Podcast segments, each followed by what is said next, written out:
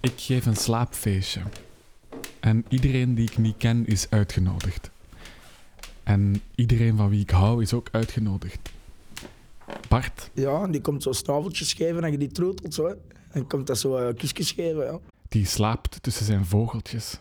Omdat ik er s'nachts nog wil bij zijn, ja. Omdat ik ze binnenkort, eh, denk ik, moet gaan afgeven ook. eh. ik heb problemen met mijn buren. Ria, Ik slaap alleen in een groot bed. Eh, en na de dood van mijn echtgenoot altijd aan mijnzelfde kant nog. Ik kan heel moeilijk op de andere kant slapen. Ria, wiens echtgenoot geen afdruk naliet in de matras, Ik slaap wel in een waterbed. maar die nooit het noorden verliest. De meeste mensen denken dat je er zeeziek in wordt, maar dat is dus niet.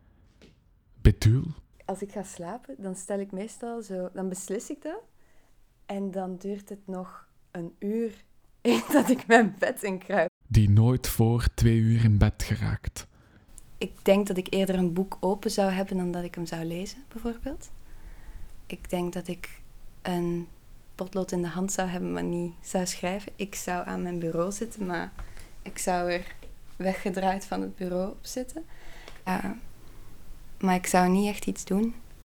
En Xin Ling, Ik, ik, ik moet werken tot eh 11 uur, dus en ik heb eh, heel weinig tijd. die geen tijd heeft om lang te slapen en soms droomt dat hij valt En dan ik ga duiken naar de onderste van de water.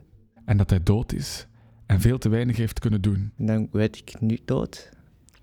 Oh, ik heb zoveel dingen niet gedaan. En Danielle en Winter en Sophie en Nitish en meer dan ik kan tellen mensen die gaan slapen in de stad. Als je de muren wegdenkt, is Antwerpen één groot slaapfeestje.